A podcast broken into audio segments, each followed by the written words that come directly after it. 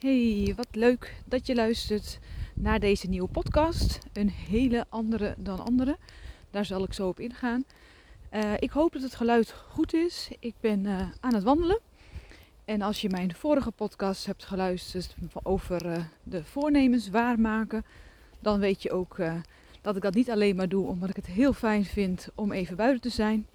Maar dat ik dat ook doe omdat ik gemiddeld 10.000 stappen wil zetten uh, per dag. En uh, nou, afgelopen week had ik best wel wat dingetjes buiten de deur en dingetjes achter de computer. Nou, je raadt het al, mijn gemiddelde is iets gedaald. Ik zit nu net niet aan de 10.000. Dus ik zal deze dagen even wat uh, stappen erbij moeten doen. Dus zodoende, al wandelend, neem ik deze podcast op. Nou, het kan zijn dat ik hem eens tussendoor even stilzet. Als er in ieder geval heel veel uh, geluid is. Bosgeluiden vind ik heerlijk. Ik hoop dat je er ook van kan genieten. Maar als er een auto langs race of uh, als ik allemaal mensen tref, dan uh, kan het zijn dat ik hem even op pauze zet. Ehm, nou, zoals ik in het begin zei, een beetje anders dan anders. Want in deze podcast ga ik juist in op een vraag die iemand mij stelde. Ik had een, een contact uh, zo over en weer over de podcast. En uh, nou, toen kwam dit naar voren en ik dacht, ik vind namelijk, het lijkt mij namelijk leuk om, uh, om dat ook te kunnen doen. Nou, ik zal straks ook even delen wat ik daar dan ook meteen ingewikkeld aan vind en wat ik daar dan ook leuk aan vind. maar ik zal eerst de vraag even delen, want daar, ja, dat staat wel centraal in deze podcast. Natuurlijk anoniem, dus ik ga niet noemen van waar die vandaan komt of weet ik veel wat. En tegelijkertijd, we zijn allemaal mensen, de meesten zullen die hier naar luisteren in het onderwijs werken en dit ook direct herkennen. En daar wil ik ook wel een beroep op doen. Van kun jij een situatie uh, je herinneren waarin je dit ook herkent? En wellicht is dat de huidige situatie waar je nu middenin zit. Nou, de vraag is even kijken. Um, hoe kan je omgaan met collega's die op een ander level zitten qua organisatie en denkniveau? En hoe zorg je er dan voor dat het onderwijs kan groeien, terwijl je dus niet dezelfde basis hebt? Um, en wat kun je dan doen? Hè? Dat is even heel erg individueel gericht misschien, maar dat je bijvoorbeeld niet al het werk uit handen neemt. Dus nog eventjes uh, de herhaling. Uh, ik zit even in het berichtje te lezen. Um, hoe kan je omgaan met collega's die op een ander level zitten qua organisatie en denkniveau? En hoe zorg je er dan wel voor dat er in gezamenlijkheid kan, eh, kan groeien? Dat het onderwijs kan groeien, dat het onderwijs op een ander niveau getild kan worden. Dat leerlingen, studenten kunnen groeien. Noem maar op. Hups. Zo, dan doe ik het berichtje even weer weg. Het is best fris, dus uh, mijn telefoon vast te houden is niet ideaal. Uh, mijn eerste vraag aan jou is: herken je dit? Heb je wel eens ervaren dat je toch wel op een heel ander level denkt, werkt, organiseert, handelt uh, dan jouw collega, jouw directe collega? Ik uh, herken deze wel. Uh, twee kanten op. Hè? Zowel dat ik dus de, de ervaring heb dat een ander heel snel weet te schakelen, heel snel weet te benoemen uh, welke factoren meespelen, uh, snel die helikopterview kan hebben, hoe, het, hoe we het kunnen organiseren. Uh, het grotere plaatje meteen in beeld kunnen hebben en ook niet vergeten het, hè, de, de, praktijk van alle dag waar je in het hier en nu dus snel in die lagen kan schakelen. En tegelijkertijd heb ik ook de ervaring uh, dat ik met collega's samenwerkte waarin ik dat niet merkte en waarin ik merkte dat ik het juist makkelijker vond en dat het mij juist makkelijker afgaat. Uh, en dan merk ik bij de ander dat hij nog heel erg in details verliest of dat uh, uh, heel erg het hier en nu en niet het grote plaatje in beeld is. Eh, heel erg vanuit denkt van ja, zo doe ik het altijd. En dat vind ik gewoon zonder daarin ook reflectief te kunnen zijn van ja, maar werkt het ook en is het dan ook van meerwaarde? Dus het zit naar mijn idee in een paar verschillende facetten die ik zo hier en daar noem. En als jij zojuist een situatie hebt bedacht of hebt opgeschreven ehm, ja, is het ook wel interessant om eens voor jou op te schrijven van in welke facetten zie ik dat dan? Wat is dan, dan dat verschil om het een beetje nou, in, uh, in kaart te brengen, zeg maar. En dan uh, de andere opmerking die ik net uh, aan de start maakte van het opnemen van deze podcast, is dat het mij heel leuk leek om, lijkt om het zo te doen hè, met een vraag. En tegelijkertijd merk ik ook de ingewikkeldheid en die wil ik toch eventjes benoemen. Ehm, de podcast opnemen doe ik gewoon vanuit enthousiasme, vanuit flow. Mijn missie is eigenlijk heel sterk om iedere onderwijsprofessional uh, bewustzijn te vergroten, tot leren aan te zetten, te inspireren. En uh, ik merk dat dat niet altijd gemeengoed is, dat het niet altijd gewoon is. Misschien zit daar ook wel een uh, verschil in niveau van denken en handelen. In hoeverre sta je open om te leren en, en te groeien? Zelf, hè, als onderwijsprofessional. Nou ja, daar wil ik gewoon heel graag een bijdrage in leveren. En ik merk uh, dat het voor sommigen best wel een hele hoge drempel is. En met deze podcast uh, hoop ik die drempel te verlagen. In ieder geval dat jij gewoon heerlijk anoniem op jouw moment kan luisteren. Uh, jouw gedachten erover kan hebben. Jouw aantekeningen kan maken. Je kan er niks mee doen. Je kan er van alles mee doen. Nou ja, jouw keuze daarin te maken. En hoe mooi is het dan om juist aan te sluiten bij je vragen uit de praktijk. Hè? Dat is dan denk ik wel heel erg krachtig. Want uh, daar, zit, uh, uh, ja, daar zit dan ook een bepaald verlangen of een bepaalde wens. En als je daarbij kan aansluiten, dat werkt volgens mij heel goed. sowieso is dat wel heel erg mijn manier van werken. Dus dat is eigenlijk de stroom waarvan ik denk, ja tof hè, kom maar op. leuk om over mee te denken. En ehm, nou ja, mijn geluid daar even over te laten horen. En ik hoop dat je daarmee weer een volgende denkstap kan zetten of een actie kan ondernemen. En uh, ja, het is niet zo dat het dus de waarheid is. Dat wil ik wel heel erg benadrukken, want het is ook maar een perspectief van mij. Hè. Het liefst zou ik, maar dat vind ik alweer veel meer organisatie, nog vier andere mensen even aan het woord laten. wat wat, uh, ja, wat bij hun in opkomt als ze dit. Uh, deze vraag horen, als ze dit geluid horen. Nou, ik merk toch wel dat lopen en een podcast opnemen ook nog wel iets van uh, conditie uh, vraagt. Mijn ademhaling gaat in ieder geval omhoog. En ik zie nu, nee, toch niet. Ik zie een auto, maar die gaat ergens anders heen, dus dat is goed. Uh, maar vanuit die stroom doe ik dit graag en ben ik enthousiast en wil ik iets brengen. Maar ik merkte ook toen ik het las, de ingewikkeldheid, dat ik zo graag dan denk, ja, wat bedoel je precies? En, en de verdieping in wil gaan met diegene om echt uh, uh, ja, raak in, uh, in mogelijke antwoorden, in mogelijke verkenning te komen. En dat is natuurlijk niet mogelijk met zo'n eenrichtingsverkeer als een podcast opnemen. Nou, de auto gaat toch deze kant op, dus ik zal hem heel even op pauze zetten. Ook in het bos worden pakketjes rondgebracht bij de paar mensen die hier wonen. Um, maar ik merkte dus ook al meteen hoe lastig het dan is om daar een verhaal van te maken of zo. Ik voelde daar een beetje verlegenheid en bescheidenheid in. Nou ja, dat gezegd hebbende, uh, wil ik het ook gewoon gaan proberen. En wil ik aan dezegene vragen van, uh, nou, uh, heb je hier iets aan gehad? En zo ja, wat? Of niet? En ook aan jou uh, als luisteraar, als jij denkt, ja, ik heb ook een vraag, doe dat ook, probeer het nog maar eens, Tineke. Nou, dan uh, kom maar door. Hartstikke leuk. Laat ik daar mijn gedachten over gaan. En uh, deel ik het met je. Ehm, ja, die ingewikkeldheid zat ook wel in dat ik meteen een paar gedachten erbij had. En dat ik toen dacht, ja, maar er moet nog meer. En ik wil echt compleet en weet ik veel wat. Nou, dat is allemaal helemaal niet realistisch. En ook eigenlijk wil ik juist in flow die podcast opnemen. Dus ook helemaal niet passend. Maar ik wil zo graag dan van betekenis zijn. En zodra het dus echt vanuit de praktijksituatie komt, uh, ja, is die wens van mij nog veel meer aanwezig en uh, groter. Nou, als reactie wil ik eigenlijk twee uh, reacties geven, twee dingen zeggen. En het ene is meer op jou als individu gericht, als die onderwijsprofessional. En de ander is meer gericht op het grotere plaatje, op het grotere geheel uh, van het onderwijs.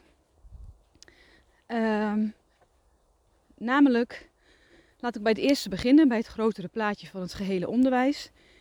Wat zegt deze vraag eigenlijk over hoe wij naar het onderwijs kijken en hoe wij het onderwijs organiseren? Um, want wat ik daar heel vaak zie, is dat we als gelijken worden behandeld en gelijken worden gezien.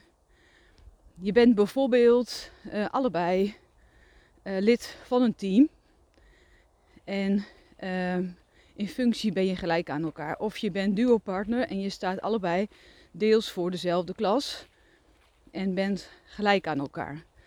En dat gelijkheid, gelijk zijn, is wel een uh, onbewust, onbewuste manier van handelen, hoe wij dat doen vaak in het onderwijs. Let maar eens op, kijk maar eens om je heen. In hoeverre wordt het gewaardeerd om juist even je kop boven het maaiveld uit te steken? Of om even een heel ander geluid te laten geven en even jezelf op de borst te kloppen. Um, en als mens, laten we dat voorop stellen, zijn we ook gelijk. We zijn allemaal evenveel waard. Hè? We zijn allemaal van dezelfde waarde, elk mensenleven. Maar tegelijkertijd zijn we enorm divers.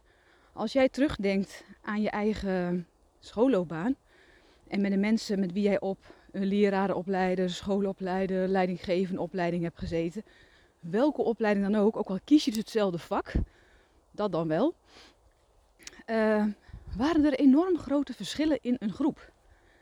En dat waren echt enorme grote verschillen. Ons onderwijs is gericht op uh, niveaus. En er wordt een soort van onbewust aangenomen dat het dan hetzelfde is. Maar we hebben allemaal ieders eigen persoonlijke talenten. En die zijn heel, heel verschillend. En hoe wij ons onderwijs organiseren in een organisatie is vaak vrij plat als je het vergelijkt misschien met het bedrijfsleven. Maar daardoor zit er ook hele grote groepen gelijkheid in. Dit zijn alle leidinggevenden, dit zijn alle docenten. Terwijl het een heel divers uh, clubje is. En die diversiteit is naar mijn idee juist de rijkdom. Dus de vraag uh, van die verschillen uh, zou voor mij nooit richting zijn van maak, laten we de verschillen kleiner maken. Maar meer in de richting van laten we de verschillen expli expliciteren. En laten we de verschillen gaan waarderen. En naar mijn idee mogen we daar wel uh, ja, een beweging in maken. Mogen we daar nog wel een slag in slaan. Want we willen heel graag nou ja, hetzelfde zijn en op hetzelfde niveau. Uh, terwijl we allemaal iets unieks hebben bij te dragen. En misschien ben jij dan toevallig net degene die het goed, het totale plaatje ziet. Maar dat hoeven we ook niet allemaal. Dus in hoeverre staat jouw organisatie, jouw school, toe om uh, te leren met die verschillen. En om die verschillen te zien en ook te waarderen. Wellicht ook in uh, beloning in de zin van geld. Uh, in hoeverre sta je het jezelf toe om dat verschil gewoon te zien? Zo is het. Zo is het verschil. En uh, dat is helemaal prima. En dat is volgens mij ook een mogelijke verkenning, antwoord op de vraag hoe kan je nou omgaan met die verschillen. Dus juist door ze te expliciteren, te waarderen en noem maar op. En uh, om het onderwijs op een hoger plan te tillen, willen we graag misschien dat iedereen zover is, iedereen dat hoge plan ziet, iedereen daar uh, uh, achter staat. De praktijk, als we dat echt willen in de praktijk willen brengen, gebeurt het nooit. Dat is misschien niet meteen een heel hoopgevend uh, beeld. Um, maar verandering, bewegingen in de samenleving, in het klein en in het groot, beginnen niet als we wachten tot iedereen zover is. Het zal altijd zo blijven dat er een aantal niet aan toe zijn. Dat er een aantal überhaupt het vermogen niet hebben om op die manier uh, te kunnen denken. Noem maar op. Dus dan gebeurt het niet. Juist bij een beweging als een onderwijs op een hoger plan tillen, is het super fijn dat er een aantal voorlopers zijn die het expliciet maken, die het grotere plaatje zien, die iets uit uh, de dag halen wat heel goed werkt, in de etalage zetten en aan die andere collega laten zien: kijk, daar gaan we naartoe. En misschien als je dit beluistert, denk je, uh, ja, dat doet dan de leidinggevende of dat hoort de leidinggevende te doen. Maar daarmee denken we ook heel erg in uh, standaarden en in hokjes, hè, weer in die lagen van, nou dat is voor die. Maar hoe zonde als jij op een ander uh, niveau werkt misschien, maar er juist heel goed in bent en dat wel kan.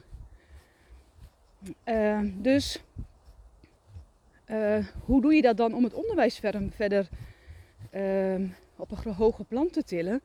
Door jezelf niet tegen te laten houden, door je dromen te delen, door het expliciet te maken, door het in de etalage te zetten, door het uh, voor te leven, voorbeeldgedrag te laten zien, door te vragen of door te zeggen wat je van de ander graag zou willen zien en wat je verwacht van de ander. En daar uh, vragen of die daar weer mee wil gaan of niet. Daarmee kun je met elkaar dat creëren. Uh, en dan mag je dus loslaten dat die ander op een ander niveau opereert. En uh, nou, er zullen ongetwijfeld uh, mensen zijn die nu denken: ja, leuk en aardig, maar dan ben ik de karttrekker, dan loop ik voorop. Dan loop ik helemaal op leeg, daar krijg ik geen energie van als ik aan een dood paard trek.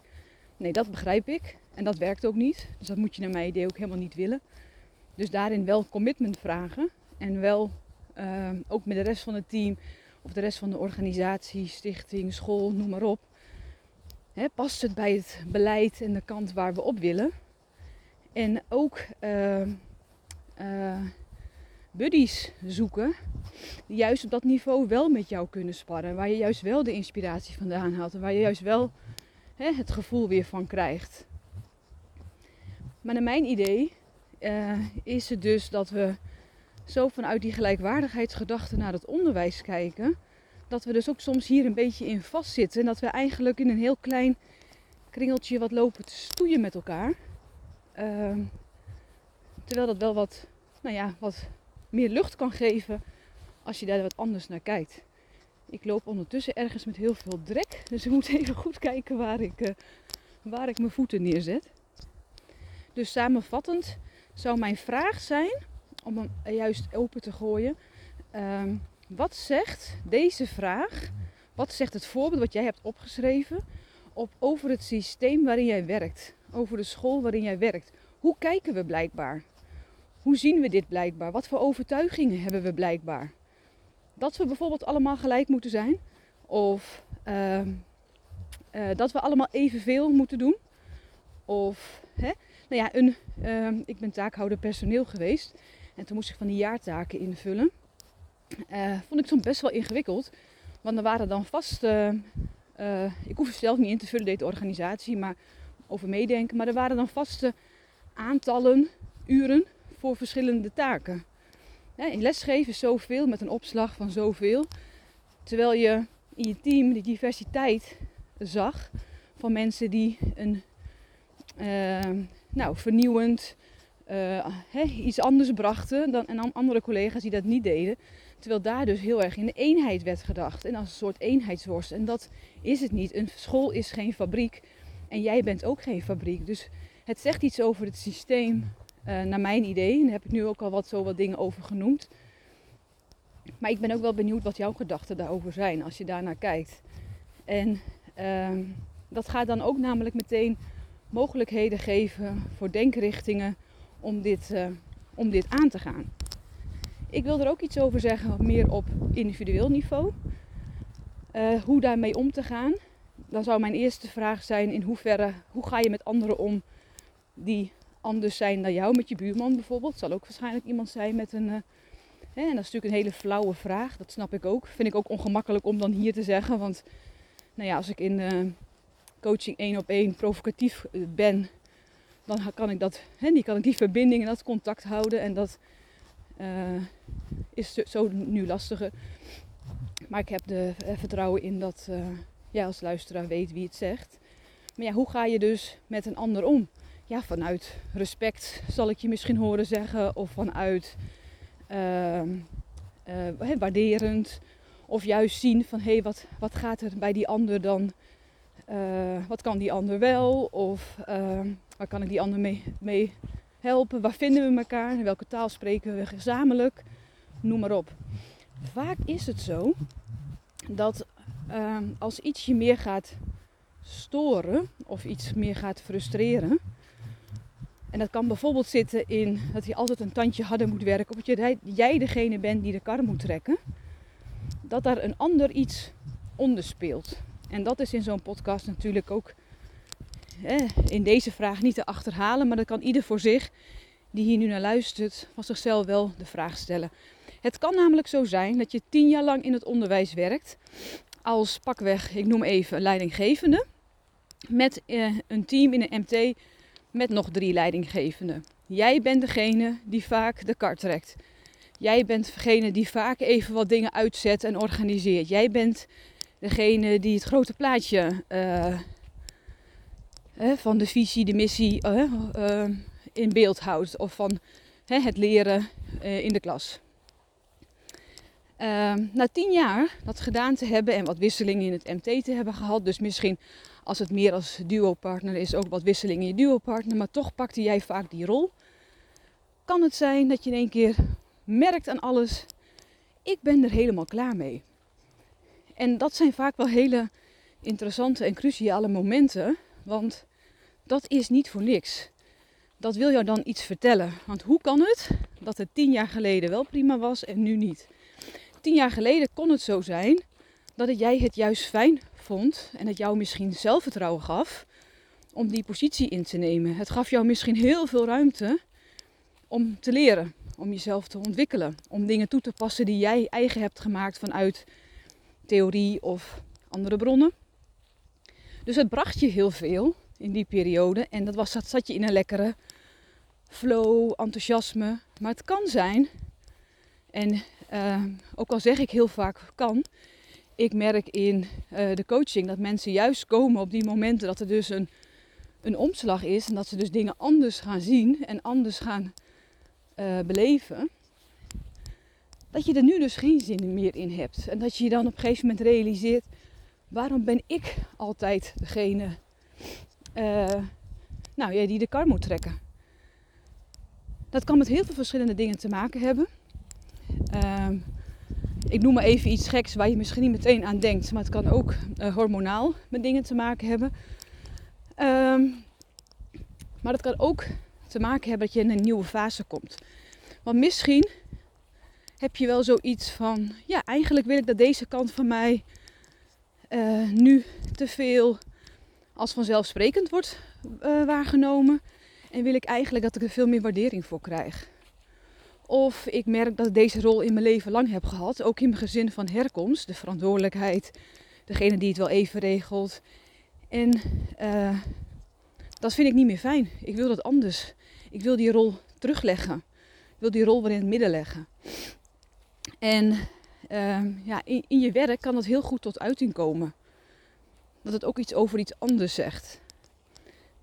Uh, het kan ook zijn dat jij toe bent aan een nieuwe stap in je carrière. Ik merkte op een gegeven moment dat ik me aan dingetjes ging storen. Toen ik nog in loondienst werkte in het onderwijs. Uh, heb ik mezelf wel heel vaak de vraag gesteld: wat zegt het over mij? Wat wil ik dan eigenlijk? Of wat wil ik dan eigenlijk dus niet? Dus het kan zowel uh, positief, negatief, wil ik er niet aan koppelen, want het is niet zozeer positief of negatief. Maar het kan alle kanten een beweging in gang brengen. Om daar een paar voorbeelden van te noemen.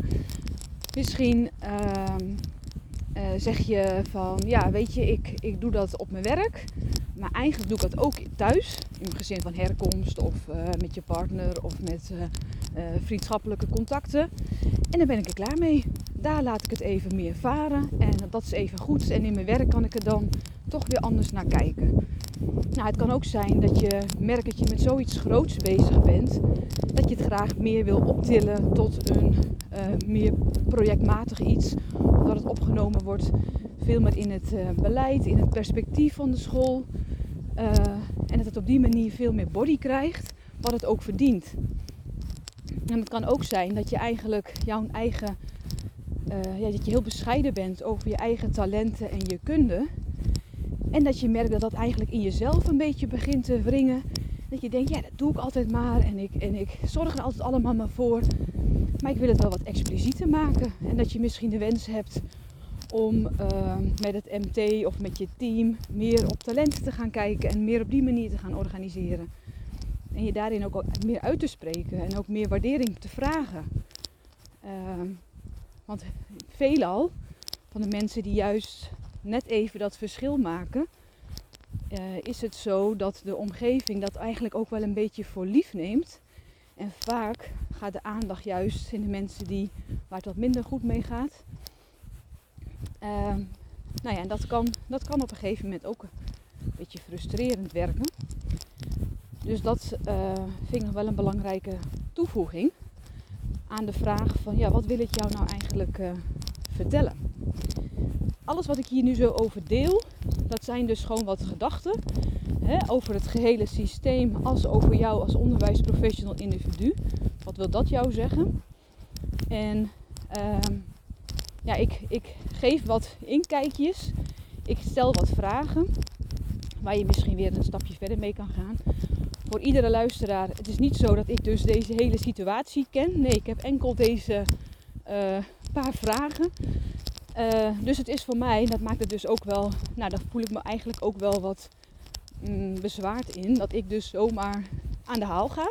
Want dat is het. Ik ga aan de haal, ik vertel een verhaal ten aanzien van die vraag.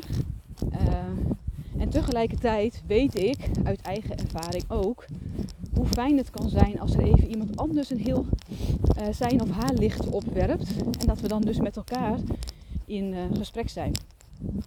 Nou, en om dat te doen is het soms ook heel leuk om juist een ander mee te nemen in het luisteren van deze of een andere podcast of in een boek of weet ik veel wat. Maar dat je in het gezamenlijke aan het uh, leren bent. En daar dan een, uh, nou ja, een vervolg aan kan geven, zeg maar. in, in een gesprek of in een. Nou ja, misschien haal je er maar twee vragen uit waarvan je denkt, ja, die zijn raak, die neem ik mee en daar wil ik graag uh, verder over over doordenken, praten, ervaren, nou, noem maar op.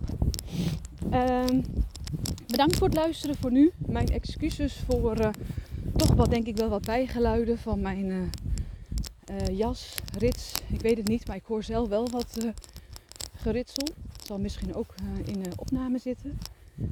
Um, heb jij een vraag? Vind je leuk dat ik meedenk? Nou, deel gerust. Deel deze podcast, vind ik leuk. En uh, Bedankt voor het luisteren.